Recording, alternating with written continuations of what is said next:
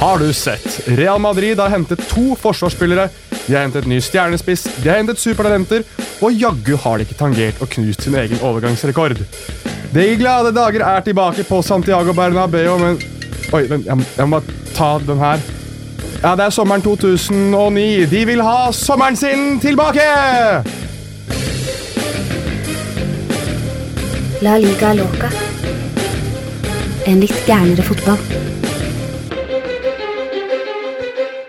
Ja, ja, ja, ja, ja. Det klarte jeg eh, på første forsøk, faktisk. Imponerende østlandsdialekt, Magnar. Ja, ikke sant? Mye bedre enn forrige gang. Velkommen til La Liga Loca-episode av typen bonuspodkast med meg, Magnar Kvalvik. Nei da, som dere har forstått, så er det Jonas Giæver som eh, styrer showet i dag. Hei.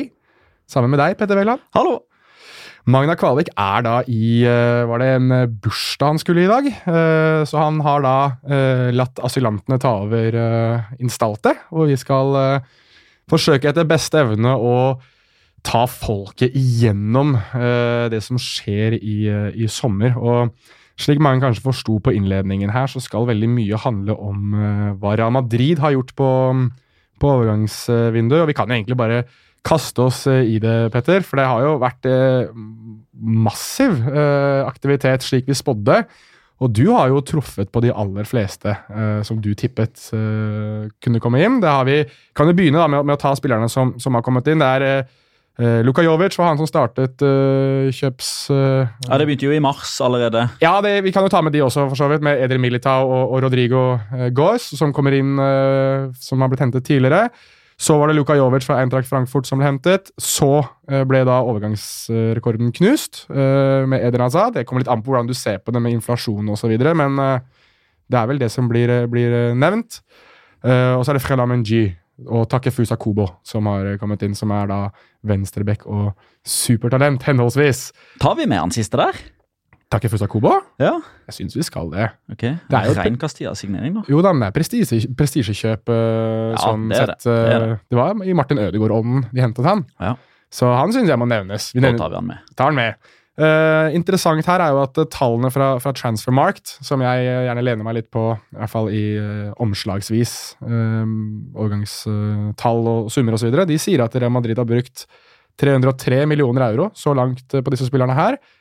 Eh, kontra i 2009, da de brukte 259 millioner, millioner euro. og Da hentet de jo spillere som Cristiano Ronaldo, Kaka, Karim Benzema. Det er jo åpenbart eh, inflasjon vi må regne med her. Men snakker vi maktdemonstrasjon på overgangsvinduet for Real Madrid?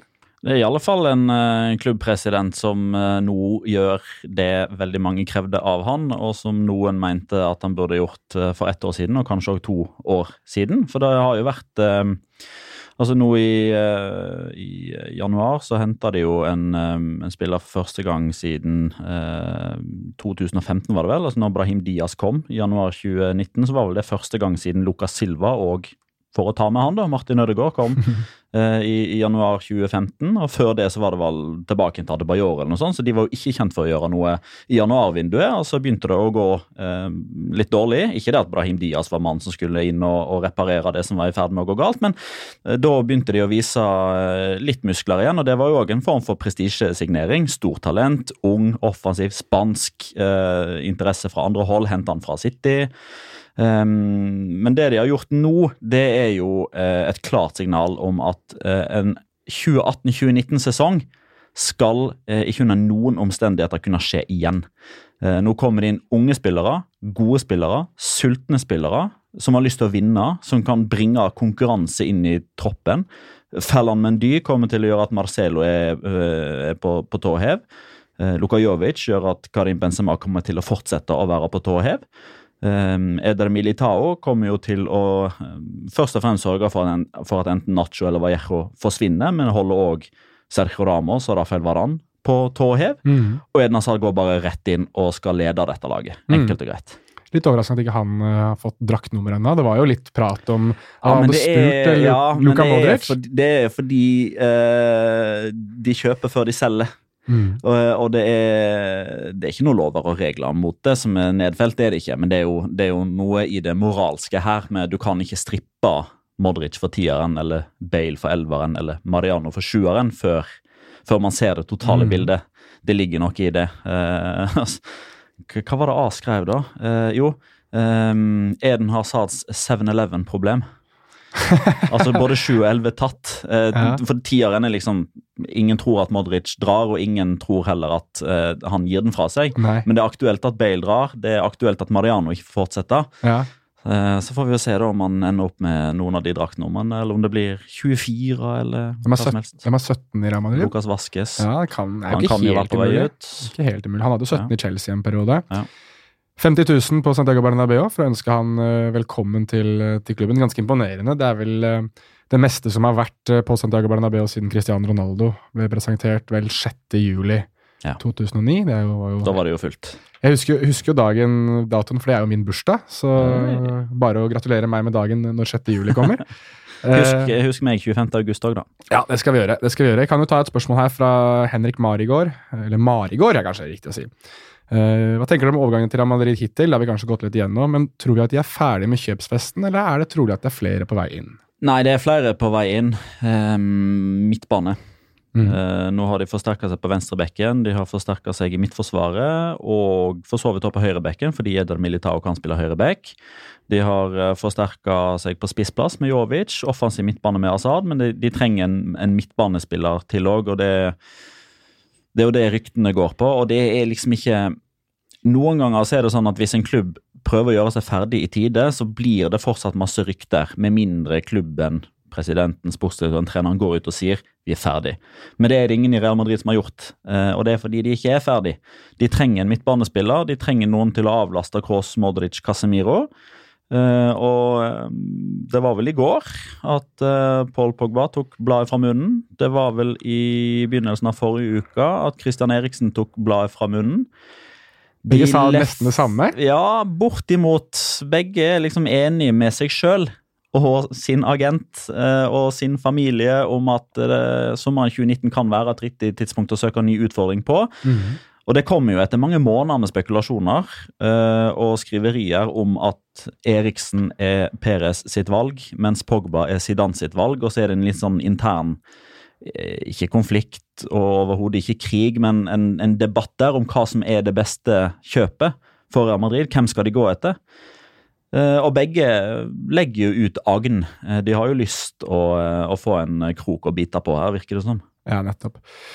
Jeg synes uh, spesielt at det er interessant dette med Pogba. Ja, da. At uh, man har uh, hørt og rapportert i eh, Det er blitt rapportert i spansk presse gang etter gang etter gang at han vil vekk fra Manchester United. At han ønsker å bevege på seg. Men man har liksom aldri helt fått de signalene man kanskje vanligvis hadde fått da, tidligere.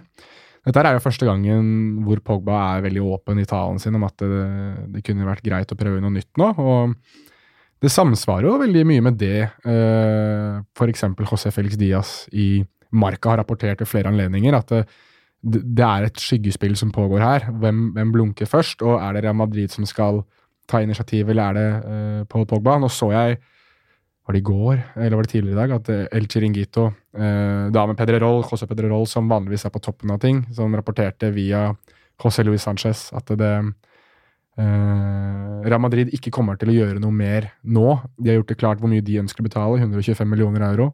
Manchester United vil ha 160-170-180 millioner euro. Uh, og Madrid kommer ikke til å gjøre noe mer inntil Manchester United uh, trekker seg på det. Og da er det jo dette spillet da, med at Paul Pogba og Mino Raiola må begynne å dytte.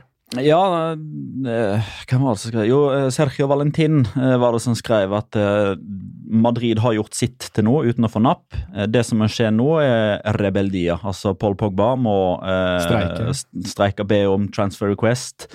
Han må ta det neste steget. Uh, ifølge Sergio Valentin så er ikke Madrid villig til å vente så veldig lenge, fordi de ønsker ikke å komme i en situasjon der man på mange måter bare står igjen med ett alternativ, der man kan bli litt pusha opp et hjørne. De ønsker å legge presset over på, på Manchester United i dag. fordi mm, jo lenger ut i, i vinduet man kommer, så, så kan man jo komme i situasjoner der man føler seg pressa til å bare Ja, ok, greit, da legger vi på de 20 ekstra millioner euroene bare for å få ja for å unngå å sitte igjen med, med håper jeg, katta i sekken, og at man ikke får inn en sentral midtbanespiller. Um, og ja, nevnte Sergio Valentin, sier da at uh, ei uke, maks to uker. Skjer det ikke noe i løpet av det, om man ikke ser noe framskritt i løpet av de to periodene, så går man videre til, til alternativ to. Det er Christian Eriksen. Nettopp. Sergio Valentin for øvrig er, for å gi litt mer eh, Journalist, frilans, ikke uh, tilknytta et spesielt medium. Han var vel innom Mondasero sist, tror jeg. mm, Det er bare greit å gi litt bakgrunn for hvem det er vi siterer her. Du og jeg kan jo sitte og sitere sånn opp og ned, men det er ikke alle lytterne som, som, vet hvem vi prater om hele tiden. Da vil jeg passe på at jeg også gir en liten shout-out her mens jeg kan, til Joey og Erlend, som jeg møtte på treningsstudio i dag. Da var det Erlend som er Chetaffe-supporter, av alle ting. Oi, oi, oi! Og det hyller vi. Og hadde med seg Chetaffe-drakt på treningsstudio. Eh, Fantastisk. Og Joey, som jeg lovet at uh, vi skulle snakke mye Real Madrid, for han har da Real Madrid i sitt hjerte. Så da satser jeg på at begge to hører øh, på dette Ila-kvelden, kanskje? Ila-dagen? Kanskje det? Kanskje flere ganger. Vi får nå se. Kanskje Eh, vi går på Ila? ja, ikke sant. Ehm, men for å, for å øh, snakke litt mer om, om Eriksen kontra Pogba, da. Hvem, øh, det er flere som har spurt om det. Nå finner jeg ikke akkurat spørsmålet, men, men hvem tror vi lander i, i Madrid, om noen av de to? Jeg har en fornemmelse om at det blir Christian Eriksen. Ja, jeg òg har eh, alltid trodd det. Og så fikk jeg um, Altså Rent personlig så skjedde det jo absolutt ingenting med meg når uh, Pogba sa dette, men da, men da begynte jeg å bli litt sånn ok, greit. Der begynte han å, å røre litt på seg òg. Ja. For fram til nå, altså Man kan jo eh, tolke tidligere uttalelser både hit og dit, og oppførsel og eh, prestasjoner på banen og agentsnakk og sånn, men det var liksom første gangen at han var så klar og tydelig. Ja. Det er klart, det var jo ikke noe sånn at 'jeg vil vekk', eller 'jeg skal til Real Madrid', men det var altså når, når spillere åpner opp sånn utad i media uh, om at de kanskje ønsker nye utfordringer, så gir de et signal Mm. til de impliserte partene. Kanskje er det Real Madrid som har bedt han om å gjøre det, mm. via via. Eh, kanskje er det Mino Raiola som, eh, som legger press på. Kanskje har jeg Manchester United bedt han om å altså, være ærlig med oss. Hva ønsker du? Eh, si det utad, så, så, så slipper vi liksom en sånn hemmelighets, eh, eh, hemmelighetsgreier. Ja, de mister jo, de mister jo forhandlingsposisjon, og Pogba gjør det, da. Så jeg tror ikke det er Manchester United som uh... Nei, ja, på, på en måte så kan de gjøre det. På en annen måte så kan de jo trigge en lyst fra Real Madrid til å bare tenke greit, da closer vi denne her i løpet av ei uke. Ja. Uh, igjen for å Ikke det at Manchester United trenger å selge en profil for å få uh, penger til å handle med, men det er jo litt sånn at hvis, hvis Paul Pogba drar fra Manchester United, så er jo det negativt i form av at en av verdens største profiler forlater klubben, men det mm. gjør jo òg at det er en enorm posisjon som blir ledig Mm. som en fantastisk lovende eller allerede god etablert fotballspiller ser på som utrolig spennende. Greit. Pogba klarte det bare delvis. Han, hvis han forlater Old Trafford, så kommer han til å forlate Old Trafford med masse uoppgjort. Han klarte ikke å lede Manchester United dit de ville. Kanskje litt på vei, men overhodet ikke dit de ville. Pogba sitt uh, Manchester United-opphold har jo ikke vært så bra som man trodde, håpte, forventa. Og det gjør at man man starter gjerne litt sånn i medvind hvis man kommer inn som Pogba-erstatter. På grunn av at man skal ikke inn og etablere Man, man skal ikke inn og erstatte eh, ledestjerna, den som var banens beste, den som dro i gang med masse skåringer sist hele tida. Det var en ujevn spiller med fantastiske topper, men òg noen dype bunner. Eh, og det gjør at hvis, eh, hvis Manchester United, da, la oss si at dette eventuelt da, går i boks i altså dette, Det kommer til å dra ut uansett, av Ja, ja. Sånn er det bare. Men la oss si Ja, ja. midten av juli, da. Da har de allerede da i løpet av den måneden som har gått, begynt å nøste opp i noen tråder, sjekke markedet, begynne litt sånn forhandlinger via via. Da har de halvannen måned på seg, eller ikke så mye, da, det er vel 8. august eller noe sånt de, de stenger markedet, fordi da begynner Premier League. Eh, men da vil de ha en, eh, cirka en måned da, Ja. på å close den dealen. Definitivt. Jeg tror jo, men jeg er litt usikker på Du snakker jo om, om høye topper og, og varierende prestasjoner. Eh, man har jo tilsynelatende levd litt med det altså United-supporterne har vært veldig ambivalente til det. Men det er et helt annet monster sånn Real Madrid er nå, og som Manchester United er nå. Altså, United sine standarder har blitt sunket noe voldsomt de siste par årene. I Real Madrid så er kun det beste godt nok uansett hvor du ligger an. Og Paul Pogba som skal inn og gjenreise Real Madrid som, uh, unnskyld uttrykket, dreit seg ettertrykkelig på leggen i fjor. Ja. Eh, som den største signeringen de etter all sannsynlighet kommer til å gjøre i deres historie, hvis de henter ham. Mm. Uh, Men, du, men du sier at du heller mot Eriksen. Jeg sier at jeg heller mot Eriksen, men ingen av oss er jo sikre. Og jeg tror noe av det bunner ut i at det er liksom ikke noe Altså, det er av at det fins Nei, det, det, det, det er en åpenbar greie her som gjør at jeg tror Eriksen er, er, mer, eh, er mer aktuell. Og det, det handler først og fremst om pris, prisnivå på Eriksen og muligheten for å få ham inn. Men vi må også huske, og dette er noe som har vært rapportert i presten av Marca, blant annet, at, at det har vært en intern kamp i Real Madrid om Pogba, om hvorvidt man skal hente ham eller ikke. At det har vært veldig mange som har vært imot det. Og Zidane har da trumfet igjennom til syvende og sist og vunnet denne maktkampen internt i Real Madrid, som sikkert var en av grunnene til hvorfor han tok jobben igjen da han kom tilbake og erstattet Santiago Solari. Og jeg, jeg tror at når det er såpass mye opposisjon rundt Paul Pogba, så tror jeg også det er mye enklere for den opposisjonen å si 180 millioner euro, 160-70 millioner euro rundt det der. Folkens, kom igjen, da. Han der eh, dansken i, i Tottenham som har spilt Champions League-finale, som egentlig bare må ha det lille Kanskje litt bedre spiller rundt seg for å bli enda bedre. Vi har sett det i en årrekke nå med ham. Han andre er inn og ut. Ja, han er god når han er god, men vi ser at det er mye bråk og sosiale medier. og altså, Greit nok at det kanskje er en høyere markedsverdi i ham for vår del, men hvis de skal vinne på fotballbanen, er det så stor forskjell mellom Eriksen og Pogba? Og Jeg tror bare den opposisjonen til syvende og sist kanskje vinner når dette begynner å dra seg ut. mm. Og når Real Madrid tenker at vi må gjøre noe. Fordi det er også veldig åpenbart at det er i, i overgangssesongen, dette vet jo vi, at det er dominoer som skal falle overalt. Hvis Eriksen går, så er det etter all sannsynlighet Giovanni Lo Celso som skal til, skal til Tottenham. Så, sånn virker det å ligge an til nå. Det er mye enklere for Real Madrid å trykke på knappen og si vi aktiverer Eriksen, få ham inn, og da sier Tottenham vi trykker på knappen og henter eh, Lo Celso. Det, er en, det Og så trykker Betis på knappen og henter Ceballos, som blir overflødig pga. at Eriksen kommer. Ikke sant? Og da har vi igjen eh, dominoen i gang.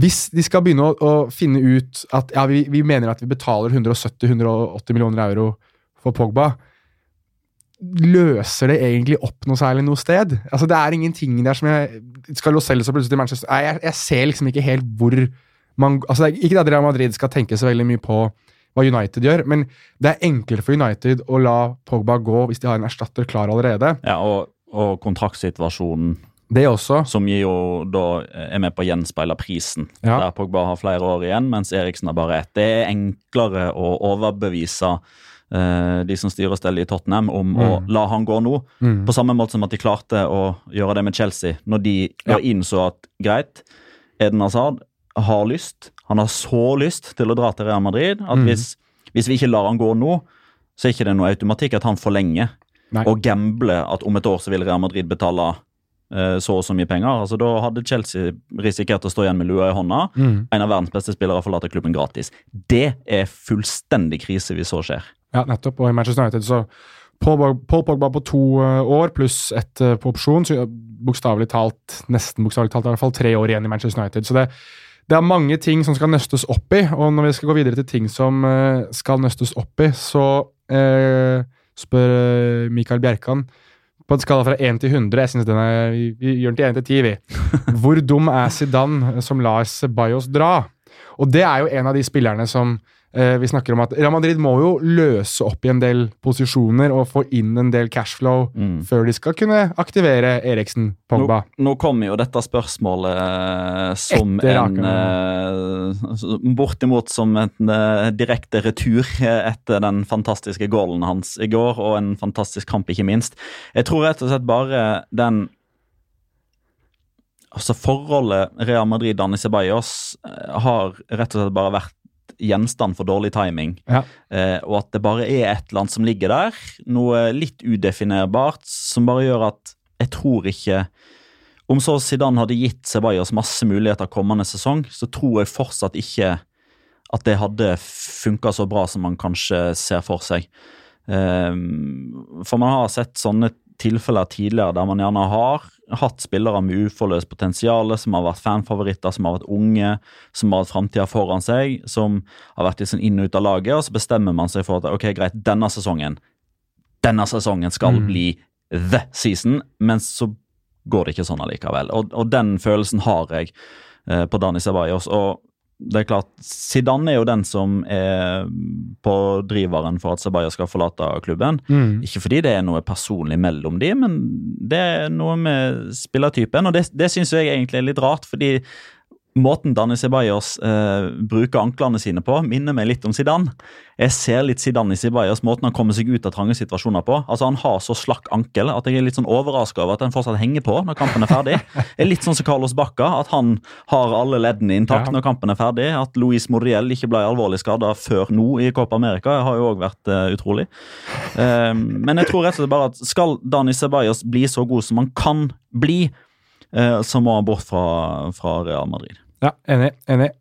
Eh, vi har også fått en del, eh, en del spørsmål rundt Gareth Bale. Er jo, det er vel kanskje den situasjonen som er eh, vanskeligst å, å løse opp i, både fra oss som skal prøve å analysere det, og kanskje også for Real Madrid som skal, skal selge ham. Og, og Spørsmål fra, fra Edvard Holt på Twitter. Hva er situasjonen rundt Bale? Er det i det hele tatt noen reell interesse fra andre klubber som kan matche prislappen, lønnskrav osv.?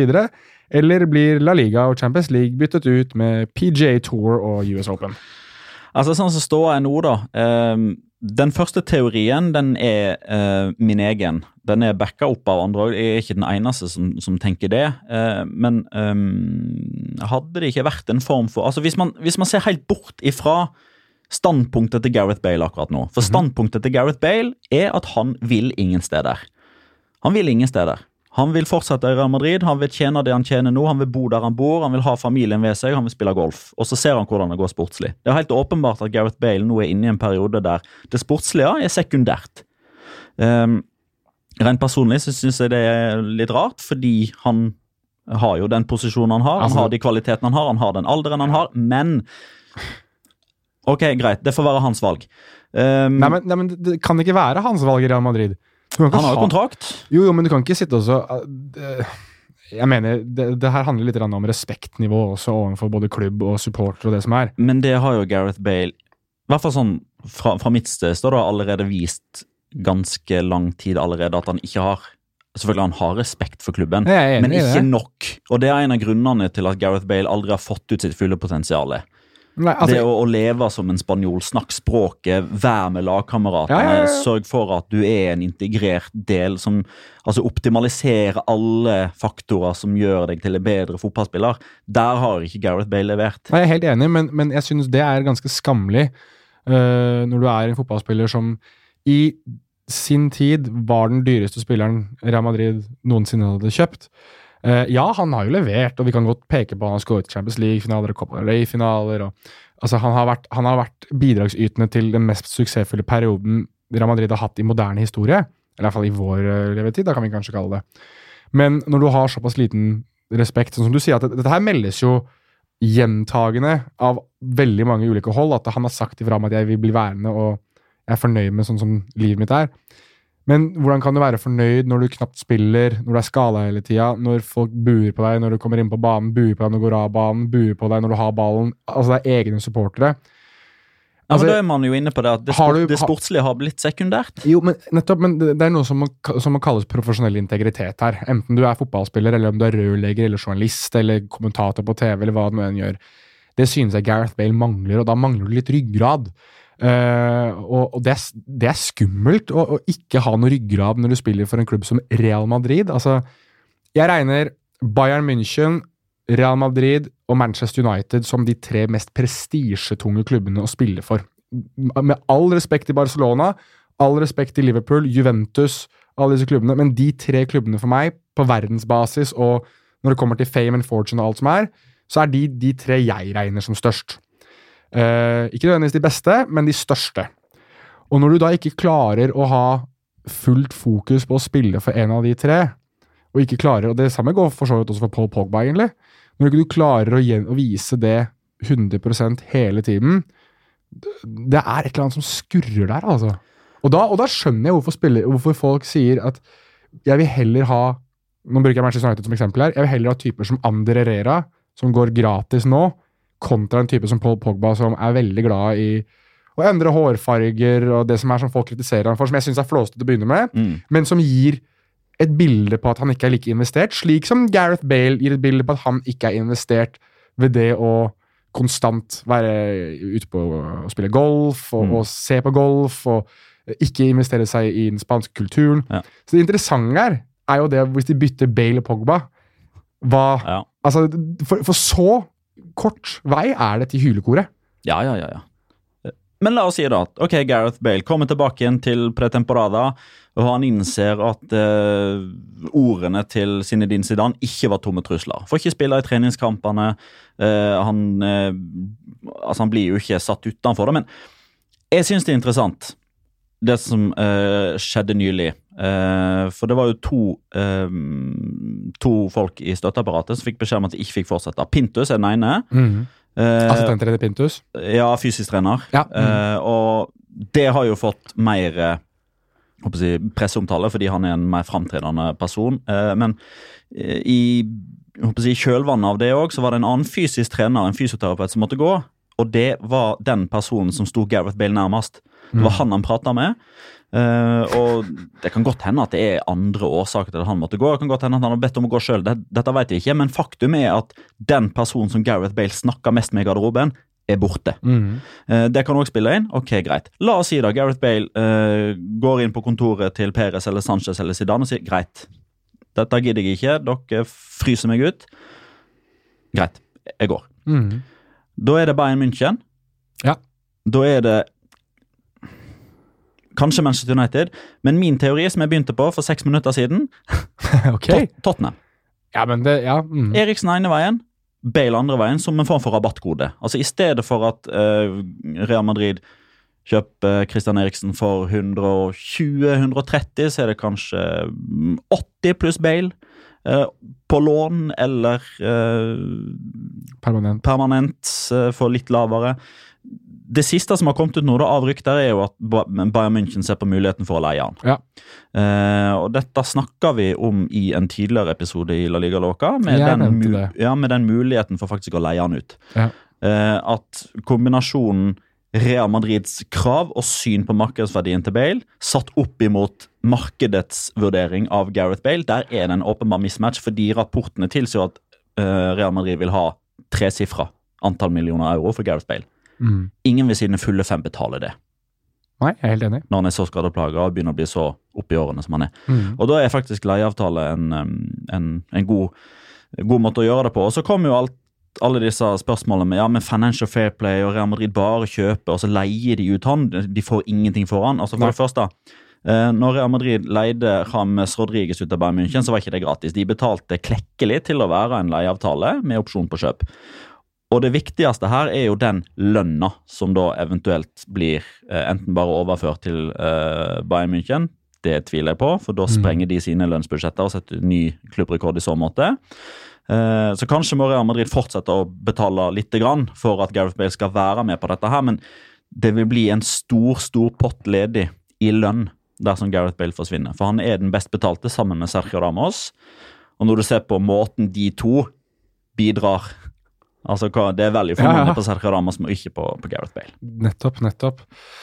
Eh, korte ord om eh, disse spillerne jeg nevner nå. Ikke lang utbedring, Petter. Jeg vet Nei. at vi er gode på det, men vi Kjapt. prøver. Eh, Jorente til Atletico Madrid. Ja, det skjer hvis Rodri velger å dra til Manchester City. Mm. Ehm, og den summen som spekuleres i eh, Altså, jeg var nesten sikker på at hvis jeg trykker på eh, Nå finnes jo ikke F5-varianten på Mac-en, men når jeg oppdaterte den sida når AS rapporterte om en overgangssum på 40 millioner euro, så forventa jeg at det var en trykkfeil, og at nullen var borte neste gang jeg gikk inn.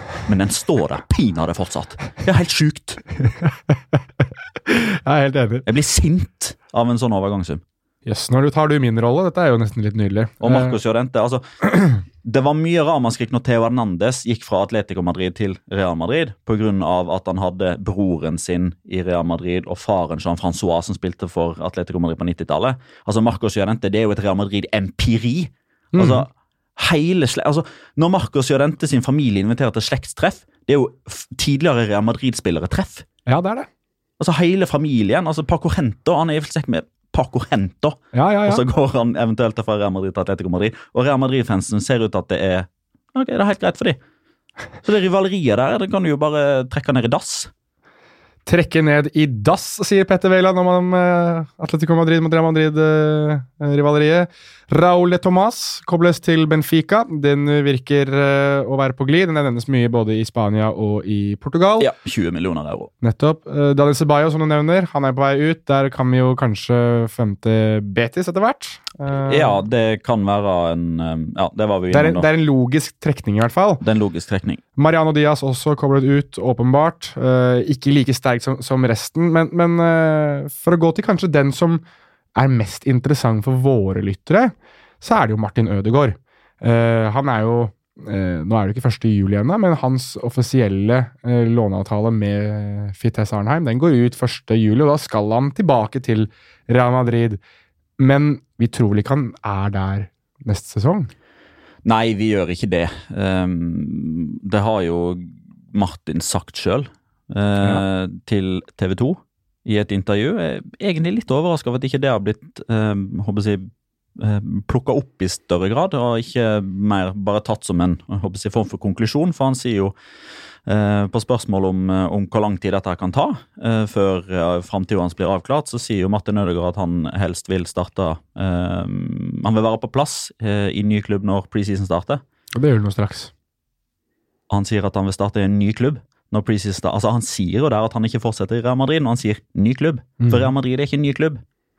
Um, og når man da ser på igjen, det er dette nåløyet, det er konkurranse, det er alder og alt dette. Jeg tror vi alle er innforstått med og kan forstå et valg fra Martin Ødegaards side at han vil fortsette utviklinga et annet sted. fordi det som er viktig for han nå, er å fortsette på den, den bølgen han er inne på. Og Det er ikke sikkert det riktige da er å få eh, Brahim Diaz-rollen, da, for å si det sånn. Eh, med noen startede kamper her og noen innhopp der. Nå må vi jo egentlig bare forvente at Real Madrid blir seg sjøl igjen mm. fra høsten 2019 av, og da er det full pupp helgen og midtuke ut. Det er masse kamper, ja, men da må man toppe laget hele veien fordi man vil ikke ryke ut eller tappe terreng osv. Det er La Revancha som skal uh, inntas igjen på Santiago Bernabeu. Men for å flytte oss til den andre siden uh, av Madrid Atletico Madrid, der er jo det store spørsmålet Kommer de til å ha nok spillere på banen eh, når sesongen sparkes i gang? Fordi For å nevne noen som er på vei vekk Antoine Griezmann har meldt at han er på vei vekk. Rodri nevnte du at kan være på vei vekk. Der ryktes det jo opp ned og i mente. Filip Louise får ikke ny kontrakt. Uh, Lucas Hernandez sitter vel på flyet kanskje akkurat nå til uh, München for å signere for Bayern. Uh, Diogo Dina takket for seg, og i tillegg så er man også uh, Juan Fran ja, takket seg. har takket for seg, riktig. Og så har man lest i hvert fall rykter om at eh, Thomas Partey og Jan Oblak vurderer sine framtid uh, basert på det at så mange andre forsvinner. Ja. Uh, per nå kun Felipe, som er fra Porto, som er offisielt klar. Vi vet jo sånn halvveis, det i hvert fall rapporteres, at Hector Herrera fra Porto, den meksikanske midtbanekrigeren, kommer til å ta turen inn dit, han også. Og så har vi jo hatt et uh, rykte i dag, mandag, som har gått som en farsott og blitt skutt ned av Benfica om at Joao Felix, den unge, fremadstormende portugisiske angrepsspilleren slash midtbanespilleren, kan være på vei inn på Wanda Metropolitano. 120 millioner euro, som vil gjøre ham til den desidert dyreste spilleren i Atletico Madrids historie. 19 år gammel, vel. Eh, god sesong med, Benfica, eh, og også debutert på det portugisiske landslaget. Hva, hva synes du eh, altså, Det jeg lurer først og fremst på, er jo med så mange som forsvinner ut, hva sier dette om, om prosjekt Diego Simione? Det sier jo at uh, man for egentlig aller første gang får en sånn type sommer som dette her. Mm. Uh, og det gir jo prosjekt Simione en type utfordring de ikke har stått overfor før. Og så får vi jo se hvordan det utspiller seg. Altså, Det er jo to stikk motsatte ting som skjer med de to Madrid-klubbene nå. Mm. Real Madrid kjøper seg bortimot ferdig, og så begynner de Operasjon Salida. Alle skal ut. Atletico Madrid de har blitt ribba eller har valgt å ikke forlenge kontrakter med, med folk, eh, og så må de forsterke i etterkant. Mm. Det setter jo egentlig begge klubber et litt sånn eh, vanskelig lys på forhandlingsbordet. Fordi alle klubbene som skal forhandle med Real Madrid om spillerkjøp der, eh, vet jo at Real Madrid har blåst masse penger og trenger å balansere regnskapet med tanke på financial fair play osv. Så, videre, så de vil jo ikke betale så veldig mye. Eh, mens Atletico Madrid eh, sitter jo med masse penger mellom hendene nå. Eh, og Benfica, naturligvis, så skyter de ned den eh, storyen som går nå. Eh, det kommer man å gjøre fram til man har blitt enig med Atletico Madrid, og det er de jo ikke. Det er litt sånn atletic-klubb over eh, Benfica her, Ja, det er litt det. som skyter bare ned det de kan inntil det faktisk er klart. Ja. Eh, Han har jo en utkjøpsklausul på 120 millioner euro. Eh, Ja. den, altså Det er mulig for Atletico Madrid å gjøre det. Altså Det er jo bare å vente til 1. juli, når de da etter rapportene får eh, de 120 millionene av eh, Antoine Griezmann via en eh, tredje klubb som vi fortsatt ikke vet hvem er, men som de aller fleste fortsatt tror er Barcelona. ja, nå har vel uh, Hill basically sagt at vi har visst siden mars at uh, Griezmann skal til Barcelona. Ja. Så, Så, så dersom Atletico Madrid har bestemt seg for at de vil ha Joao Felix, og de nå i løpet av mandagen, eh, der det jo rapporteres at Joao Felix er i Madrid sammen med Jorge Mendes for å eh, forhandle om de personlige betingelsene, hvis de der da blir enige om at enten så kjøper vi deg fordi vi blir enige med Benfica, worst case scenario, så trigger vi ut kjøpsklausulen din. Enkelt og greit. Da kan de rett og slett bare gå break even på det. Mm. Altså bare De får inn pengene fra Griezmann og deponerer de videre til, til Benfica. Mm. Det er jo et sjansespill. Ut, nesten uten sidestykke i den klubbens historie. Eh, fordi da vil man eh, gjøre sitt største salg gjennom historien, og hvem er det de da eh, i hermetegn selger, altså Griezmann stikker? Det er jo eh, ja, den desidert beste offensive spilleren de har hatt gjennom tidene. Mm. Om man eh, Sjekker tallene og så videre. ja, om man sjekker tall og betydning og suksessfull periode og konkurranse, bla, bla. Alt, alt det der. Um, og så erstatter de han med en uh, spiller som har vært kjempegod i en kort periode, som det naturligvis er mye hype om. Han har reggis fortsatt. Det er liksom Men hvor god kommer han egentlig til å bli? Og Passer han inn i Atletico Madrid på samme måte? Det er masse spørsmål. Det kan hende at det er kjempeoppsida. mm. At han matcher tallene, eller er enda bedre, og fungerer sammen med Diego Costa og med Vitolo, plutselig så blir Atletico Madrid som en offensiv eh, kraft enda bedre. Det vet vi jo ikke, men da er det et sjansespill de bedriver med, altså.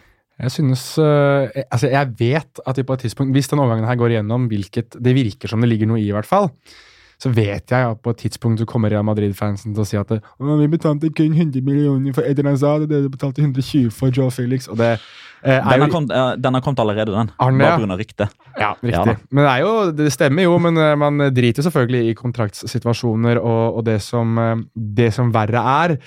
Eh, ellers så er det kontinuerlige rykter rundt Atletico Madrid. Ja, Eh, Mario Almoso eh, er jo òg ganske nære, virker det som, Mm. eh, fra Español.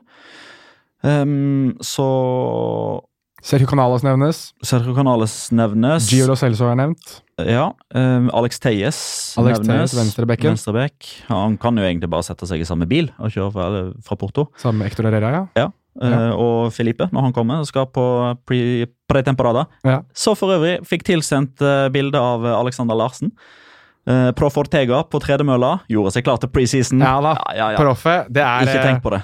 De som ikke vet hvem Proff Ortega er, det er jo den legendariske fysiske treneren til Atletico Madrid som eh, banker i gang gutta før, eh, før hver sesong, og er jo eh, sies å være en del verre og mer intens enn det eh, Diego Simione er. Jeg husker jo også, må bare få skutt inn det, da vi var på Botarque og så Leganes mot eh, Atletico Madrid, Petter. Da var jo du veldig på det at du skulle ha frem kamera, at du skulle ha bilde av eh, Proff Ortega som gikk og manet gutta opp eh, på oppvarming. Den eh, buksa han hadde på seg, den var så stram var- at skjermen på telefonen sprakk nesten Det- tok bildet. Det er, faktisk, eh, det er faktisk helt sant. Jeg noterte meg det samme selv. Det var stram bukse.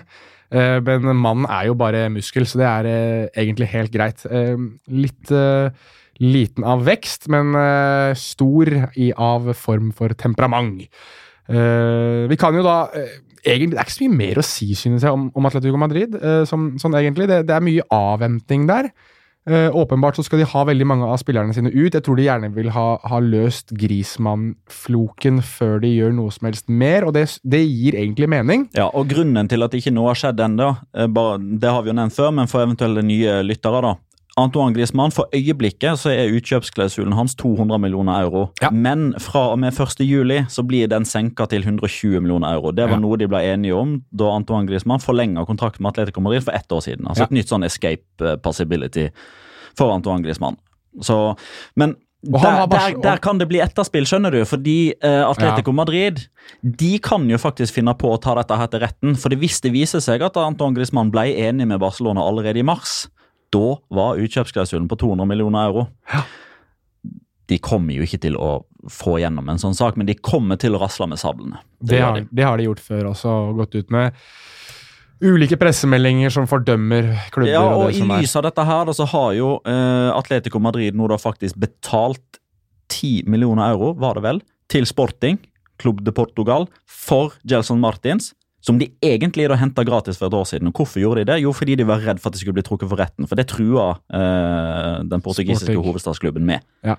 Og så har de solgt ham videre til Monaco nå, da. Det er vel ikke 100% bekrefta, men Det kommer det nok til å bli. Og Der er det jo enda en spiller som forlater Atletico Madrid. Så det gjenstår som sagt å se om de, om de har eh, spillere igjen når sesongen sparkes i gang. Det begynner jo å bli ganske tynt i rekkene der. Et sted som det kanskje ikke er så tynt i rekkene, spesielt hvis de får på plass Antoine Griezmann, det er i Barcelona. Eh, Jeg synes det er eh, litt sånn påfallende at eh, Barcelona igjen spiller litt den der offerrollen sin, hvor de ikke får inn spillere, og, skylder på at de kan ikke betale, og spillere er ikke sportslig Kall det ambisjonsrike nok. Jeg snakker da spesielt om Matais de Licht her, som etter alle solemerker, alle rapporter, og også spotting av eh, er det blir kjæreste og eh, ste, Nei, ikke stemor, eh, svigermor i, i Paris, er på vei til, til PSG. Og det har jo vært snakk om at det har vært litt sånn delikt eller ingen eh, når det kommer på stoppeplassen til, til eh, Ja. Barcelona. Og hva synes du hva, hva, jeg, jeg, klarer, jeg blir liksom ikke helt klok jeg på, på dette her med, med Delict og, og Barcelona, for jeg synes den overgangen gir litt lite mening. Den gir litt lite mening fordi Omtiti, Lengle, Piquet er tre veldig solide midtstoppere. Mitt poeng. eh, Som alle ønsker å spille mye, der man nå har egentlig et definert par i Lenglet og Piqué, men der Omtiti kanskje har det aller største potensialet, den største markedsverdien, og fikk forrige sesong ødelagt 98% pga. skader. Ja. Det gir derimot mening at de ønsker han nettopp pga. at uh, han er den han er. De har nettopp henta Frenkie de Jong fra Ajax. Alle kjenner linken Ajax-Barcelona, Cruyff, uh, Nederland, Spania, Rijkaard, alt dette her. Den linken er, den ligger litt sånn i veggene der. Uh, så med en gang en, en nederlandsspiller er på vei opp og fram, så blir han nesten sånn automatisk linka til og sett på av Barcelona. Eh, det er òg logisk i form av at um, Mattis de Ligt, altså de er jo enige med Ajax. altså Alle disse klubbene her er enige med Ajax. Ajax har satt en pris, dette vil vi ha. Alle de interesserte klubbene kan betale det. Og Barcelona har jo da identifisert han. Ok, den kvaliteten opp mot den overgangssummen, dette vil vi. Eh, og det er ikke alltid man finner sånne type dealer på markedet. Nei.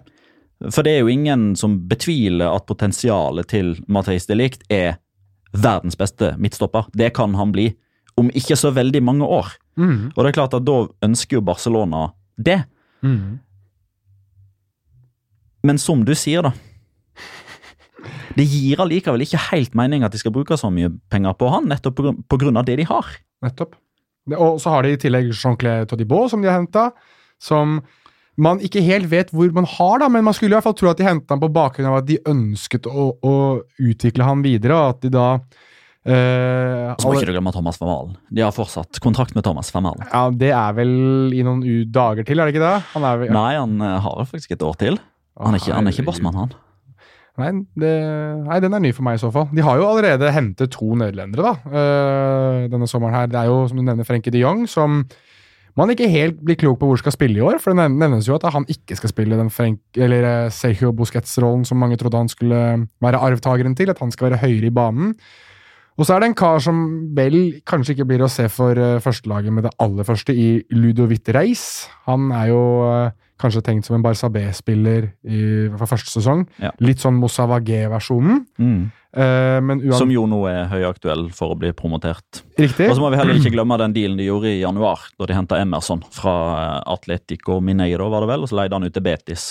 Ja, så han riktig. er jo i utgangspunktet da en formell eh, Barcelona A-spiller fra og med 1. juli. Ja. Men det, det lille han fikk eh, lov til å vise i Betis det var ikke Dani Alves takk der som dunka opp og ned den høyresida på Benito Villamarin. Det var ikke det. Var det. ikke det. Det var ikke det. Uh, I tillegg så er uh, skal vi se, Marco Correa er, uh, er vel solgt til, Ja. til Eibar. Har eh, Men han kan hentes tilbake igjen for fire millioner euro. Dersom de ikke finner en annen venstreback. Fordi de må ha en venstreback. Med mindre de uh, nå identifiserer Johan Miranda som god nok, Mm. moden nok, erfaren nok til å være eh, backupen til Alba. Rafa Guerreiro fra Dortmund. Det har jo vært nevnt nå de siste par dagene at de har begynt å forhandle om ham. Filipe Louise har blitt nevnt. Vi går Men, videre. jo, men, jo, men vet du hva? Forrige gang vi hadde podkast, da drev vi og snakka om hvem, hvem blir ja, Altså. Paulinho sommeren 2017, Arturo Vidal sommeren 2018, Kevin Prins Boateng eh, januar 2019. Det er Filipe Louis sommeren 2019 i så fall, som liksom trigger de der. Altså. Søramerikaner, opp i årene, masse erfaring, Hår. hår. Ingen forstår helt noe av det. Ja, riktig. De har også solgt Du hørte det her først. Ja da, hørte jeg først. Filipe Louise til, eh, til Barcelona. Men det er også Paco Alcázar er også da solgt. De har jo, Dortmund har jo bestemt seg for å trigge den kjøpsklausulen de hadde i hans kontrakt, så han blir ikke å se på kamp nå neste sesong, med mindre noe helt vanvittig skulle skje. Eh, spillere som Kasper Dolberg, Timo Werner nevnes inn eh, som erstattere, eller eh, eh, kalle backuper til Luis Suárez, som man regner med at skal spille en sesong til. Men det må jo være Sammen med venstreback så må det være spiss eh, man anser som eh, de to eh, posisjonene de ønsker å styrke. Selvfølgelig også kan man tenke at Antoine Griezmann kan være den som kommer inn som backupen, men man vil tro Mm. at det kanskje han skal heller inn og erstatte Coutinho, som eh, etter all sannsynlighet også forlater eh, Camp Nou denne sommeren. Ja, det var i alle fall det som var gjennomgangsmelodien i dagene etter at Griezmann offentliggjorde at han ikke kom til å fortsette i Atletico Madrid. Da var det liksom sånn ok, alerta Coutinho, og Coutinho er på markedet og alt sånt, men det har vært veldig stille nå de siste ukene. Kan jo det ha en sammenheng med at det ikke har materialisert seg med Griezmann ennå, og Coutinho eh, er jo konsentrert eh, på det brasilianske landslaget i Copa America akkurat nå. Um, men ja um, Man- Igjen, da. Så er det altså, Det som er eventuelt haka med dette altså Jeg er fra meg av begeistring av for fotballspilleren Griezmann. Jeg synes han er fantastisk god. eh, høyt oppe på personlige lister over favorittspillere å se på. Ja. Men hvor, hvor er han best i Valverde sin måte å spille Altså, Valverde blir jo av ganske mange Barcelona-supportere identifisert som en litt sånn kynisk type, en litt defensivt anlagt trener. Antoine Griezmann kommer jo fra Diego Simione 4-4-2. Således så vil han passe perfekt som en spissmaker Mhm. for Hvem da? Spissmakeren til Luis Suárez? Da må. Coutinho eller Dembélé ut. Ja. Vil de det? Eh, skal han være spissmakeren til Messi? Eh, ok, Skal Suárez plutselig på benken, da? Og kan Messi og Griezmann spille sammen? For begge ønsker jo å falle litt ned og bli involvert i det oppbyggende spillet.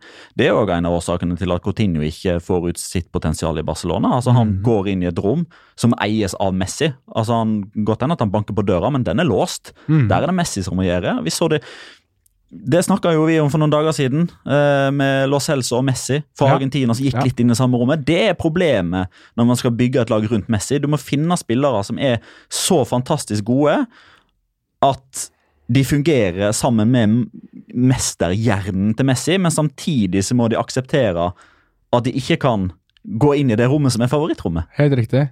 Helt enig også, for så vidt. Eh, og det bringer jo oss til et rykte som selvfølgelig popper opp hver sommer, egentlig. Men nå har du jo fått litt grann Skal Nicolas bensin. Gaitan til Manchester United? Oh, Wesley Schneider han, øh, og, øh, og Ezekiel Garay. De alle er på vei til Manchester United. Eh, De har, de har faktisk vært på lån i ulike klubber fra Manchester United i en årrekke nå. Men eh, et rykte som også popper opp ofte, eh, og har gjort det egentlig hver eneste sommer, siste, i hvert fall siste to somrene, eh, er jo eh, Neymar. Og nå har uh, Al-Khalifi, uh, eieren til PSG, vært ute og sagt at uh, vi vil ikke ha stjerneoppførsel lenger i denne klubben her. Det er vel ingen som har opptrådt mer som med stjernenykker, og eh, som han er bedre enn resten, enn det Neymar har opptrådt med i Alle, PSG. alle skjønte hvem dette var et signal til. Det skjønte vi alle sammen. Og det, og det er jo også første gangen eh, PSG da i så fall har åpnet opp for at vet du hva, vi begynner å bli litt lei av det tullet. Og vi, vi, som har dekket spansk fotball i lang tid nå, og fulgt med på det, husker jo spesielt hvordan faren til Neymar alltid skulle involvere seg i ting rundt sønnen. Skulle alltid passe på at han fikk stor utbetaling hver gang sønnen fikk utbetaling, og at han egentlig hadde mye å si i brasiliansk presse veldig ofte rundt Barcelona, hvordan ting fungerte. Er det et univers der Neymar signerer for Barcelona denne sommeren her? Det universet veit ikke jeg om jeg har lyst til å være en del av. uh, nei, men altså, tenk det, tenk det scenarioet, da. Ja. Altså, uh, Eder Hazard til Real Madrid, Neymar tilbake til Barcelona. Altså, Vi snakker stjernekrig for uh, ja, ja, ja, ja. Bevares. Og ser, ser, man sånn på det, så ønsker Ja. man selvfølgelig, selvfølgelig Neymar. Uh, ta med Mbappé Alexander. Isak til Real. Sociedad. Ser man, ser man sånn på det, så er selvfølgelig alle eh, hjertelig velkomne til å spille i den serien som vi er så glad i. Men Ja da. Altså, du skal ikke mer altså, du skal ikke lenger tilbake enn til sommeren 2017 før Neymar da får noen til å finansiere en overgang på 222 millioner euro der han bryter kontrakten på en måte som fotballverden aldri før hadde sett. Sendte sjokkbølger ut. Ja. Eh, Det endte med at han ble stevna for retten av Barcelona for å få tilbake en penger som ble, eh, som ble betalt ut for lojaliteten han viste når han signerte en eh, kontraktsforlengelse. Eh, og det spekuleres jo noe om den rettssaken da faktisk har Da har man blitt litt sånn enige på bakrommet, og det blir ikke noe mer føss rundt med det der, men altså, å, å gå tilbake altså Det er jo det verste break-up, make-up-varianten i fotballens historie, i så fall. Det var vel Katy Perry som hadde en sang om uh, We fight, we break up, we kiss, we make up. Eh, Det er jo ikke helt uh, Jeg synes ikke Altså, jeg sier ikke at det er mulig, men, men Eller ei heller umulig, men eh, jeg synes det har vært mer og mer antydning til at Neymar angrer på at han faktisk presset gjennom alt dette her. Og vi får jo stadig høre rapporter, eller i hvert fall intervjuer der Lionel Messi forteller at eh, han snakker mye med Neymar. Vi ser jo Neymar ofte i Barcelona. Ja, han er i Theodad Ciudad Condal ofte. Ja, ikke sant? Så han, han ønsker tydeligvis i hvert fall å ha et forhold til stjernen i laget, og, og jeg tror at han Jeg tror oppriktig talt ja, at Neymar titter på det greiene han forlot, og sier åh, hvorfor gjorde jeg det? Mm. Hvorfor gjorde jeg det? Sportslig. For jeg tror at Neymar faktisk er ambisjonsrik sportslig. Vi snakker her om å, om å skape en æra, da. Skape en, en, en, et ettermæle. Og jeg tror at det, eh, Jeg tror Messi var klar til å levere nøklene til kongeriket over til Neymar. Den sommeren, eller neste sommer, hvor det er sånn vi, vi fokuserer på å gjøre deg god, så skal jeg være litt Jeg skal være god, jeg òg, og jeg skal være den jeg er. Men du skal få lov til å være the focal point. Det er helt greit. For jeg, jeg tror Messi er den typen som ser heller langsiktig på det, enn å pushe gjennom at han skal være stjerne hele tiden. Og det så man jo i den harmonien de tre, Suárez, Neymar og Messi, skapte. Og jeg tror også, eh, for å dra inn Copa America litt her, da, som vi dekker for, eh, for Viasport, det er jo Jeg satt og tenkte litt over det. Eh, vi snakket jo om Matias Suárez, som ble byttet innpå eh, for Argentina mot, eh, mot Colombia da, da de lå under. Og jeg tenker, Messi må jo ha vært superglad som titter opp på eh, den der eh, Jumbotron, eh, der han ser at innpå banen så kommer Suárez, men så er det Matias og ikke Louis. Jeg tror at det er kanskje litt det samme også når du tenker eh, for Barcelona sin del, at han titter opp på Nå er det ikke noe som heter noe likt Neymar, men han ser at det er Dembélé, da, som dessverre ikke får ut det samme potensialet sitt, som virker ikke som han er like gira på det som det Neymar var i Barcelona. For si hva du vil om Neymar utenfor banen, på banen for Barcelona så var han Ja, innbitt. altså. fantastisk god. Vanvittig bra, og, og det samspillet mellom de tre er noe av det beste jeg noen gang har sett offensivt. Ja. Så Det var jeg det som var katalysatoren forrige gang de vant Champions League. Definitivt. Vi snakka liksom at de, ja, de neglisjerte midtbanen og litt sånn, men Ja. det ga de jo triplette. Altså de vant La Liga, cupen og Champions League mm. i 2015. Så er det jo litt ironisk da at Neymar eh, ville ut av skyggen til Messi, og så fant han ut at det var ikke så mye sol der han reiste. Nei, nettopp. Veldig, veldig godt poeng. Eh, vi kan jo ta det veldig kjapt også, men, men uh, Skal vi ta den keeperbyttehandelen som holder på i ferd med å skje nå? Den kan du ta. For den er interessant sportslig og uh, shady uh, økonomisk. Kjør på. Valencia har behov for å få inn penger. Man er litt uenig om eh, hvor mye det faktisk er, men det er, det er en respektabel sum. Det er tosifra, sannsynligvis mellom 20 og 30 Det- millioner euro pga. Financial Fair Play. Yes, det må inn før 30. juni for at regnskapsåret skal gå i balanse. Jeg skal ikke gå så veldig i detaljer der. Ehm, Barcelona eh, har jo egentlig ønska å hente en annen andrekeeper nå, eller selge Jasper Sillesen, fordi markedsverdien hans fortsatt er ganske høy, og Sillesen er ikke fornøyd med å sitte på benken så lenge som han nå har gjort. Eh, det som ser ut til å være i ferd med å skje nå, det er generalen i Valencia-pressen, Hector Gomez, eh, general de Pie, som, som sier det her på Twitter. og Hvis han sier det, da er det noe i det. Ja. Enkelt og greit. Ja er det én journalist jeg stoler på, som jeg legger alt jeg eier og har av personlig prestisje i, så er det Hector Gomez. Han og Paco Polita de tror jeg syns er gode. Ja, Og de sier det samme i dag. Ok, At- ja. Eh, Det som er i ferd med å skje nå, at Barcelona og Valencia blir enige om følgende avtale. Før 30. januar så kjøper Barcelona Juni. For 30. juni, naturligvis. Eh, Så kjøper Barcelona Neto, Valencia sin første keeper, for x antall millioner euro. Det gjenstår å se hvor mye det er. Ja. Tipper mellom 30 og 40. Ja. Og dagen etterpå, det er ikke sikkert de gjør det så åpenbart, men da etter 1. juli, nytt regnskapsår, da kan Valencia begynne å bruke penger igjen, så kjøper Valencia Jasper Sillesen for nøyaktig samme sum. Så i stedet for at de gjør det på den enkle, kall det åpenbare måten, der det blir en bytteavtale, så gjør man altså nå at man setter en, kall det kunstig høy pris da. Etter mitt syn, så betaler man, da, altså Barcelona, de har jo masse likviditet, de betaler for at Valencia skal kunne få rense opp i sin økonomi, Financial mm. Fair Play, og få pengene. Det, det, er som et, det er som et lån Ja, ja, fotballklubber mellom. Ja, ja, ja. Den syns jeg er litt shady. Men, men rent sportslig så syns jeg det er litt kult. Jeg syns Sildesen fortjener å være førstekeeper et sted nå. Eh, og så får jo Neto bare ha det så godt på benken, da. Interessant nok så går jo nå Valencia fra å ha Diego Alves, en fantastisk uh, straffekeeper, til Neto, som er sånn eh, på straffer, til Sillesen, som ikke redder straffer. Så det er jo sånn Som blir bytta ut når det er straffekonk. Helt riktig. Uh, godt, uh, godt for hans del at han ikke er andrekeeper og førstekeeperen er Kepa Arisabalaga, for da kommer han aldri inn på banen. Men Jakobus Antonius Peter Johannes Sillesen er hans fulle navn. Det minner meg litt grann om eh, Louis van Gaal, eh, som heter Aloysius Vent litt, nå må jeg faktisk Sorry, folkens. Nå skal jeg, jeg søke underveis i episoden, fordi dere skal få høre det fantastiske, flotte navnet til Louis van Gaal. Det er Aloysius Paulus Maria van Gaal. Det er så nydelig. Det er faktisk et, eh, et kongenavn. En som ikke er en konge, i hvert fall hvis du spør de fleste Barcelona-supportere, det er Ernesto Valverde, som jeg også tenker har noen deilige etternavn. Men eh, Andreas R spør på Twitter hva tenker styret i Barcelona når de velger å beholde Valverde. Finnes det supportere som i det hele tatt liker ham?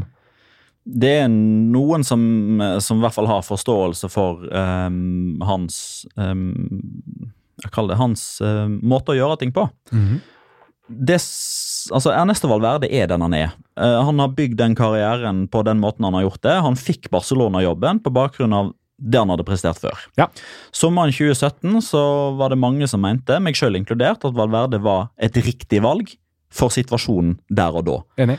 Det var post Neymar, eller eh, han kom jo inn før Neymar forsvant. Eh, det var etter at eh, Real Madrid vant La Liga. Barcelona lå i hermetegn, selvfølgelig i sin kontekst, i, i sin kontekst og i sitt perspektiv, nede med brukket rygg. Ja. Eh, stakkars eh, klubb som ligger nede med brukken rygg når man blir nummer to. Eh, og han, trykk, han klarte å trykke på de riktige knappene. Han fikk Barcelona igjen til å bli et vinnerlag, men ikke på den måten Barcelona-supporterne ønska. Mm. Um, og den store ripa i lakken var jo det som skjedde i Roma. Men det var jo aldri egentlig noe aktuelt at han ikke skulle lede laget denne sesongen. Og denne sesongen, jeg snakker da fortsatt om 2018-2019, så vinner de jo La Liga, og de vinner det tidlig. De vinner det på en så overbevisende måte at når de viktigste kampene på slutten av sesongen, i Champions League-semifinalen og Copa del Rey-finalen ble spilt, så, så, var jo det ligagullet allerede glemt. Mm. For det var så lenge siden. De hadde mm. feira det for lenge siden. Uh, Hadde jo fått feil trofé og greier. Ja, ja, bevares. Og, og det som òg er konteksten her, og det må vi huske og det må, eh, Jeg skal ikke pålegge deg at du må ha forståelse for dette, men jeg har i hvert fall forståelse for at veldig mange av de som uttaler seg på vegne av Barcelona, eh, som gir oss tilbakemeldinger, som ser kampene nå, som er den nye generasjonen Barcelona-supportere, de har jo vokst opp med Messi, Chavi, Iniesta, Dani Alves, elleve La Masia-spillere på banen samtidig, trippel i 2009, Guardiola-æra, en tikk i taket av Spania som verdensdominerende. Det var det de var vant til, ja. og så får de dette nå. Ja. Da skjønner jeg at det kan være litt vanskelig å gå ut av 2019-bobla og se det store bildet. Mm. Det skjønner jeg. Men den som det går utover, er jo Ernesto Valverde. Mm.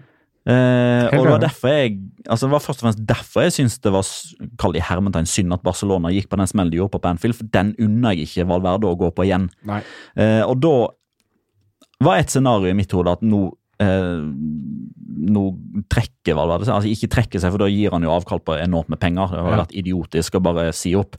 Men han skal jo etter sigende da ha sagt uh, Han skal ha um, oh, Hvordan sier du det på godt norsk, da? Eh, Ta det på engelsk, så oversetter jeg. Uh, ja, men det var på spansk. Ta det på spansk, så oversetter jeg. Uh, poner su cargo en disposition. At han altså, stiller, stiller, stiller sin, uh, sin, stilling til disposisjon. Der har du han. Det gjorde han etter uh, fadesen på Anfield, og han gjorde det igjen etter at de tapte Copa del Rey-finalen mot Valencia. Mm. Men Bartomeo aksepterte det ikke. Eh, både Messi, Piquet, Rakitic, Suárez alle uttalte seg utad positivt om at de ville ha Valverde med. Og Der tror jeg ikke det er noe skjult agenda med at, at de frykter for plassen hvis det kommer en ny trener. Det tror jeg ikke. Nei. Det er oppriktig et ønske om at de skal fortsette med han, fordi de ser at det er potensiell oppside der, og de tar, de, de, de tar skylda sjøl. Ja. For Roma og for eh, Liverpool. Nettopp. Og Barcelona-fansen kan jo takke, takke, seg selv for at de levde i den tidsalderen der Louis van Hall og Rade Antic var trenere for uh, Barcelona. Det skjedde da mellom mai 2002 og juni 2003. Det må jo da sies å være uh, nadir for uh, Barcelona, for det er to trenere. Jeg, jeg, liker, jeg, liker, Louis van Hall, jeg liker det han står for. ikke alltid like bra i klubbperspektiv, i hvert fall på 2000-tallet. Rade Antic ja, du kan jo bare søke det opp, så finner du mye gøy på han, tipper jeg. Uh, vi går litt grann uh, videre uh, og snakker om det jeg kaller for snacks fra ligaen. Det har jo skjedd litt i andre klubber. Vi må huske at selv om Real Madrid og Barcelona og Atletico Madrid er de som tar mest fokus, så er det jo andre klubber her også som gjør mye spennende. og Eh, Valencia har jo eh, nesten, virker det som, sikret seg Maxi Gomez. De virker jo nærmere og nærmere. Eh, vår venn Hans Christian Lange har jo videreformidlet fra eh, valenciansk presse at det er klubben eh, Gomez selv ønsker å signere for. Westham er jo også inne i bildet her. Eh, og begge det har vært rapportert i England at uh, Westham har fått et bud godtatt. De har jo også kjøpt Pablo Fornals fra Villarreal. Det er åpenbart at uh, Manuel Pellegrini, tidligere Malaga, tidligere Real Madrid, følger tett med på det spanske markedet og hva han kan få til. Men, men Maxi Gomez eh, må jo sies å være et varp uansett hvor han ender opp. Det er jo det, og det at de da la oss Hvis vi tar det for god fisk, at de har godtatt et bud fra Westham, så er jo det òg et signal til Valencia det er dette vi skal ha. Mm. Eh, fordi det er en god del um, Veldig mye skriverier da, om mulig at Santimino skal gå andre veien. og Det ønsker jo i så tilfelle Valencia gjøre, bare fordi de, um, de, de, de har jo for så vidt disse midlene tilgjengelig, men da de ønsker å porsjonere det utover flere spillere, flere posisjoner, som gjør at de kan forsterke troppen i enda større grad enn å kalle det blåse så mye på én spiller. Så det er jo òg litt sånn forhandlingsteknikk, tror jeg. Og jeg tror jo òg at Celta gjerne helst vil selge til Westham. Mm. Får Maxi Gomez ut av La Liga, sånn at de ikke møter han på Mestalla og får et hat trick i fleisen og reiser tilbake med null poeng. Og så drar han på, på Balaidos på, på, våren og blir matchvinner der også. Men her er det jo snakk om at Santimina mest sannsynlig skal andre veien. Ja, det er jo det som er det Valencia ønsker. da. De ønsker å implementere Santimina i dealen for å få antall millioner euro de må betale, ned. Og Santimina er jo tidligere Celta-spiller. Han er born and raised i Vigo, og der han slo igjennom. Så det ligger, det ligger litt logikk i det. Det gjør det. Og jeg håper jo gjerne at vi Litt fortsetter sexy, å se Maxi Gomez. litt sexy med Jago Aspas og Santimina på topp sammen. To eh, Celta-gutter through and through. Og så, Breis Mendes i hullet bak. ja, og så har du Maxi Gomez eh, som skal skyte Valencia til de fire store. Altså, synes jo Valencia gjør mye riktig nå. Altså, De virker som om de Tenk deg spisspar, da. Maxi Geders. Gud hjelpe meg, jeg blir nesten litt uh, våryr her. Uh, vi eh, begynner å løpe ut for tid, så jeg skal gå litt grann, eh, kjapt gjennom. Eh, ny svenske på plass i, i Spania. Vi nevnte han litt Mm. grann i stad. Alexander Isak signerer fra Borussia Dortmund etter en helt vill sesong i Wilhelm II i æresdivisjonen. Og da må vi jo si eh, til alle nye lyttere og alle som ønsker å bli interesserte i eh, spansk fotball og se litt mer i 2019-2020-sesongen Mikel Oyarzabal, Alexander Isak og Ander Barnechea eh, på topp. Det kjenner jeg at det er vanskelig å ikke få litt grann, eh, Hva skal jeg kalle det for noe? Eh, Vår yr. ja, man kjenner seg litt grann mer eh, våryr da, altså at man blir litt Ja. mer fotballforelska, for det er Oyar- altså, Oyarzabal er jo koblet litt overalt, men hvis de skulle klare å beholde ham bare Det med, tror jeg de gjør i og med at de De satser. De, Ja, de satser, og de satser. skal de ha inn penger, så får de det på William José. Ja. Han er brasilianer. Det så Eh, Juanmi til Betis. Det har de jo gjort for 10 millioner euro. Så det, der får de også inn litt penger. Ja, Det har de jo noen brukt på Alexander Isak. Ja, men altså, det går opp i opp her. Men jeg, og jeg vil jo si at Alexander Isak, med all respekt til Juanmi, jeg vil si at Alexander Isak er en oppgradering. Ja, ja. Eh, og jeg mener når de har det laget de allerede har, vi kan jo, altså posisjon fra posisjon, så er vi vel ganske enige i at de ser mye sterkere på, papiret enn de kanskje har fått ut i de aller fleste kampene sine. Mm. Og så er det også, eh, bare for å dvele litt ved det jeg har i dag, det er interessant å se den eh, transfer policyen de har lagt seg på nå. Eh, for de henter jo Alexander Isak som en ung spiller som de ønsker å satse på. Andreas Skov Olsen, en danske, er òg nære, Ja, det snakkes nå om at den ryker. Pga. at de valgte Isak. Ja, det nevnes. Jeg så eh, Jeg så Josu, vår venn, eh, på Twitter, skrev det at der, der var det visstnok at den uh, Snakk videre, skal jeg finne nøyaktig hva han skrev. Ja, for, for Real Sociedad som klubb har jo over mange år nå hatt en strategi der de ønsker å mikse egenproduserte spillere med utenlandske spillere som har impact. Eh, typer som, altså Nå var jo Antoine Griezmann begge deler, da, fordi han, ble, uh, han var egenprodusert og var franskmann. Men Carlos Vela, William José, de ønsket det med Theo Hernandez, uh, Hector Moreno til dels. altså Adnan Janusay. De spillerne som blir henta inn utenfra, de skal mikses sammen med de egenproduserte. Og de har en av de yngste troppene, som igjen altså det, det er derfor det gir så mye mening med Alexander Isak. da. Utenlandsk skal satses på. Ung. Så eh, jeg tror det Sånn generelt, da, hvis det er unge spillere der ute som lurer på hva som kan være et kjempefint neste karrieresteg, Real Sociedad er alltid riktig. I hvert fall fra, fra det eh, Jossu skrev på Twitter, Jossu Galdus Fransen, for de som lurer på det, hans fulle navn. Han siterer en bruker jeg ikke har sett før, men kanskje du har hørt om. Han kaller seg for hooligan-rs. Jeg vet ikke om det er noe sånn uh, General de Pie-opplegg for uh, Real Sociedad sin Eller en uh, ITK. ITK. I hvert fall, uh, Jossu siterer han, og alt han sier om Real Sociedad, tar jeg egentlig for god fisk. Um, Han skriver at Skov Olsen kommer ikke. Eh, Majoral kommer inn eh, kun om Mulan José eller Janusai forsvinner. Begge ønsker visstnok å bli. Venstre back eh, er førsteprioritet nå for, eh, for Real Sociedad å hente inn. Diego Llorente blir, som han var jo koblet blant annet til eh, Liverpool og en del andre Og Everton. Og Everton ja. Mm. Eh, og Ayar Saval kan fort få enda en fornyelse. Så det gjøres mye riktig i Real Sociedad, i hvert fall i mine ører. Jeg som hadde håpet på at Andreas Skov Olsen skulle komme sammen med Isak. Og så kommer det nordmann òg, så har du norsken, svensken og dansken.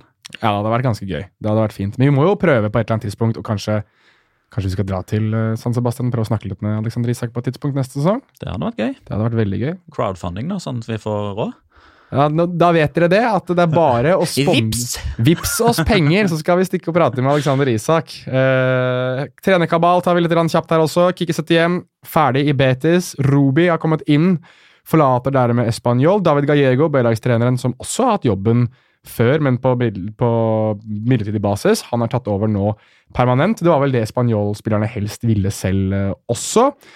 Asier Garitano tilbake i manesjen. Han tar over Alaves etter Abelardo. Han har ennå ikke funnet eh, seg noen ny jobb, vel. Og Pepe Bordalas, som vi trodde kanskje skulle forlate Getafe, han har signert ny kontrakt. Og, så da blir det Euro-Getafe med full uh, pinne i uh, Full avsporing. Å, herregud, det kommer til å bli gøy å se Getafe i uh, Europaligaen. Uh, er det noe vi glemmer da, i form av trener Kabal? Det er vel ikke det? Sånn som har endret seg? Av de lagene som har eh, Nei, det, altså, det er jo de som eh, De som er der nå. Som rykker ned. Altså, Eusebio fikk jo ikke fortsatt i Girona. Nei, der har de Eh, hentet inn har de inn eh, Juan Carlos Odsoe. Ja, gamle assistenter til Tito Villanueva. Ja. Ja, Javier Calleja har signert en ny kontrakt med Villarreal, men det var jo heller ikke noe overraskelse. Ja, riktig. Julian Lopetegi må vi jo nevne. Ja, det, å, herregud, at jeg har skrevet han opp, det er jo kardinalsyn. kardinalsynd. Julian Lopetegi, klar for uh, Sevilla. Det er jo hans uh, Det er vel hans første uh, Nei, nå, nå driter jeg meg litt ut her. eh, men det er hans første jobb, i hvert fall etter Real Madrid-sparkinga. og... Det er det.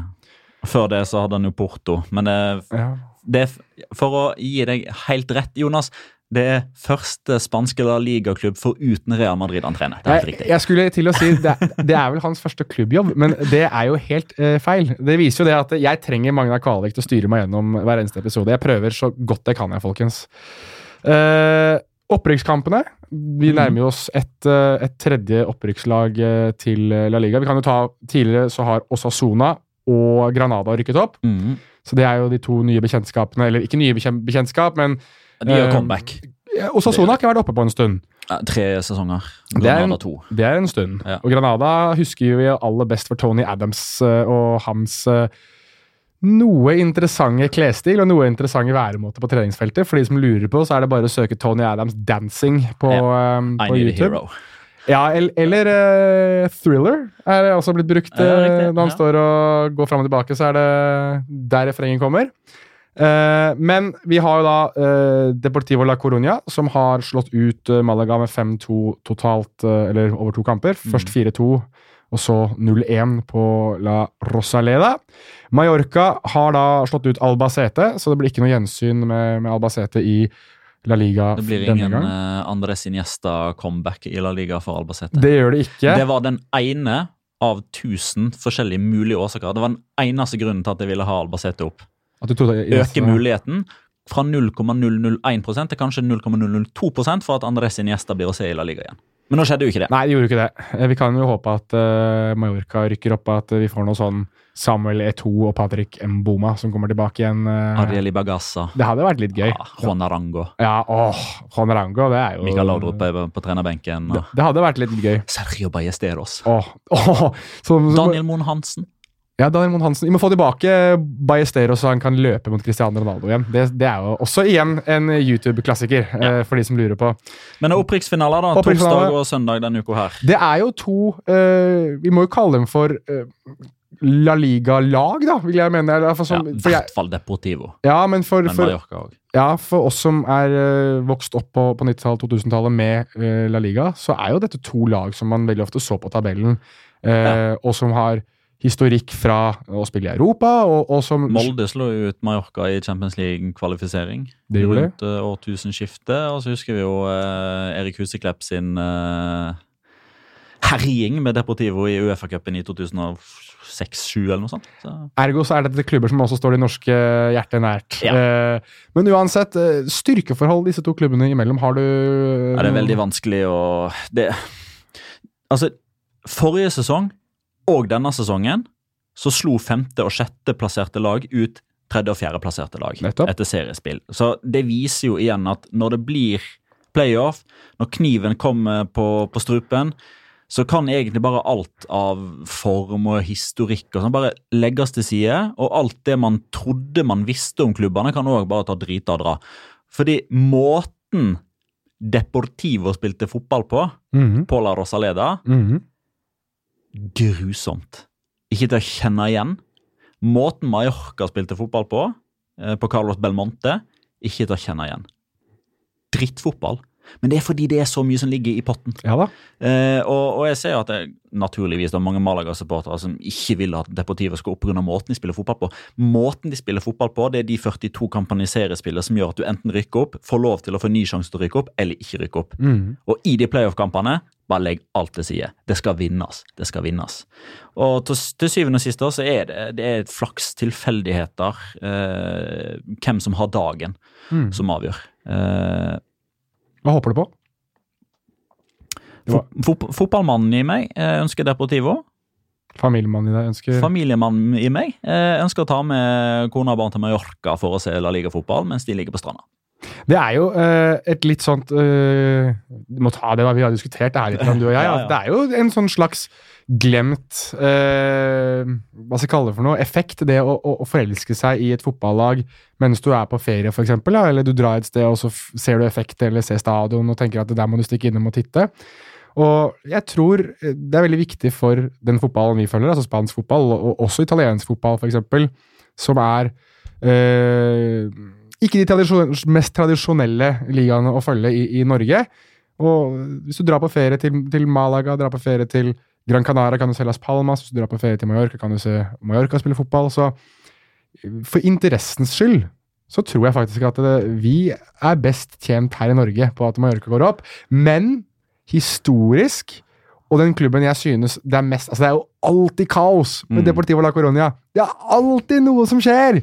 Så det kan jo være, kan jo være gøy å få de tilbake igjen også, men det er jo alltid litt gøy å også få eh, nå sier jeg det i hermetegn, nye bekjentskap i La Liga. Og nå er det en liten stund siden vi har hatt eh, Mallorca der, så jeg må si jeg, jeg håper, eh, håper litt på at de kommer opp. Og så beklager jeg til min venn Manuel, som eh, også jeg møter på treningsstudio innimellom, som har gått og bitt negler nå eh, i noen uker for å håpe at Depor eh, klarer seg, og har spurt meg veldig mye om hva jeg mener eh, rundt opprykkskamp, og hva jeg mener rundt hvem som er favoritter. Men eh, vi nærmer oss slutten, som jeg sa i stad. Nå har jeg sagt det én gang, så nå skal jeg si det en gang til.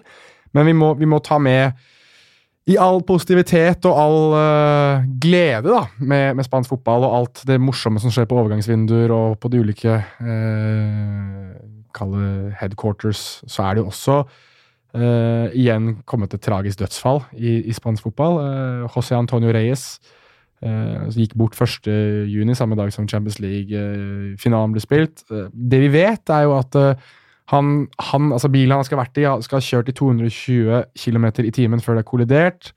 Da omkom hans ene fetter, den andre fetteren ble, ble alvorlig skadd, og José Antonio Reyes gikk da bort. Jeg husker jeg leste dette på vei fra For vi hadde jo Champion Square, som vi begge to jobbet på for, på Via Sport, og da husker jeg at jeg var innom og sa hei, for jeg er på vei hjem for å skifte og dusje det som var, og da Første på Twitter, så var det DEP, Descansa en pass, uh, hos Antonio Reyes, og jeg trodde det bare var kødd, og så var det da de offisielle pressemeldingene som bekreftet dette, og da husker jeg, da husker jeg at det gjorde vondt, fordi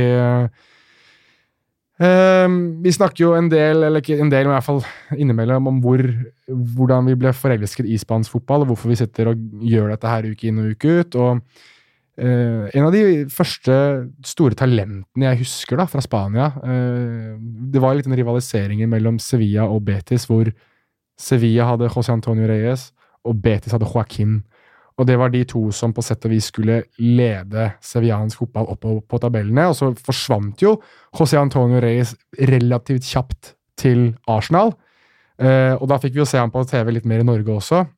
Jeg syns ikke han levde helt opp til forventningene sine. Men, men, men en spiller som var av en ekstrem høy kaliber, og som hadde et høyere tak enn det han kanskje nådde.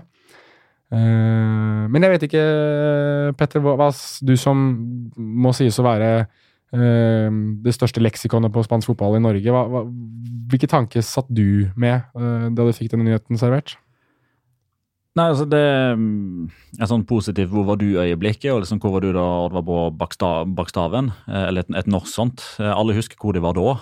Alle husker hvor de var da Norge slo Brasil i VM i 98. Alle Liverpool-supportere husker i hvilken fontene de hoppa i 2005, når Liverpool vant Champions League.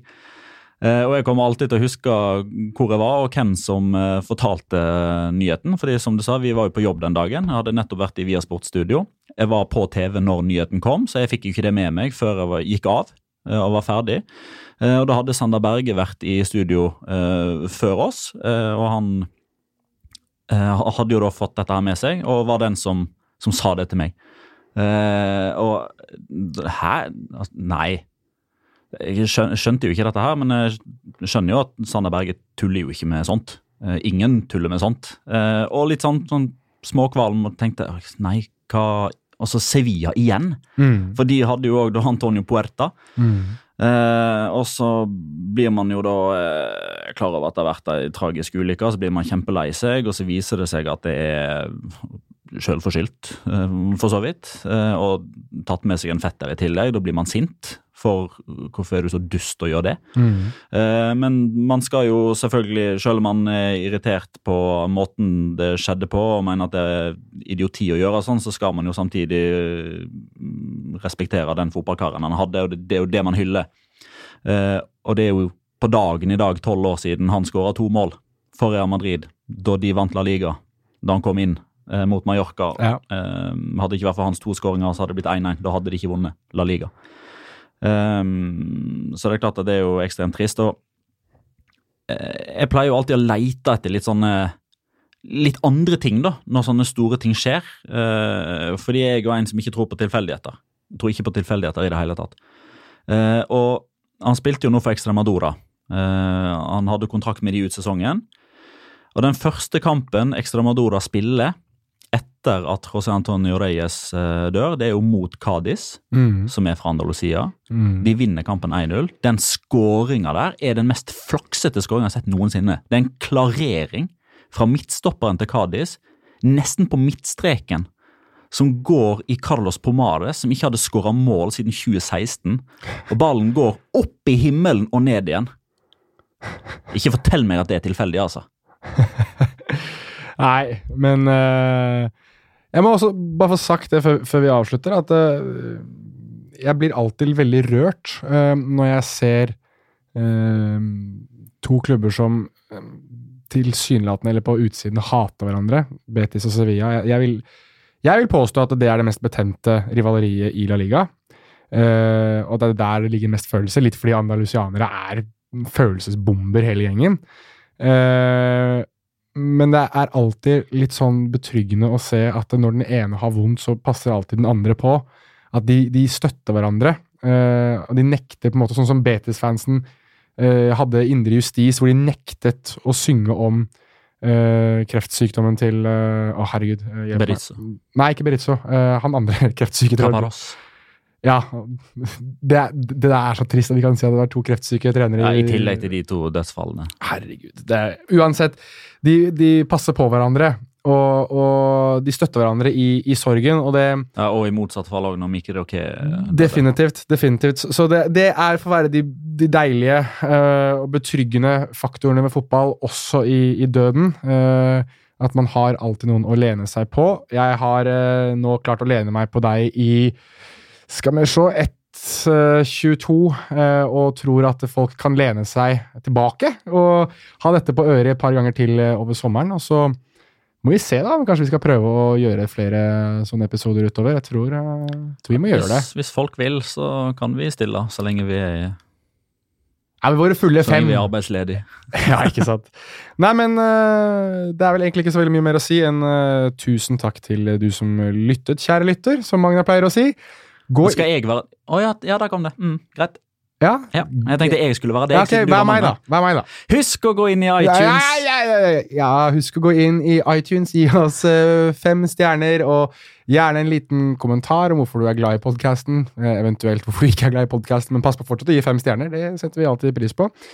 Og del, lik og ja. Lik og del. Lik og del. Og, og del, del med alle du kjenner, og så får du ha en riktig god sommer, og så snakkes vi, da.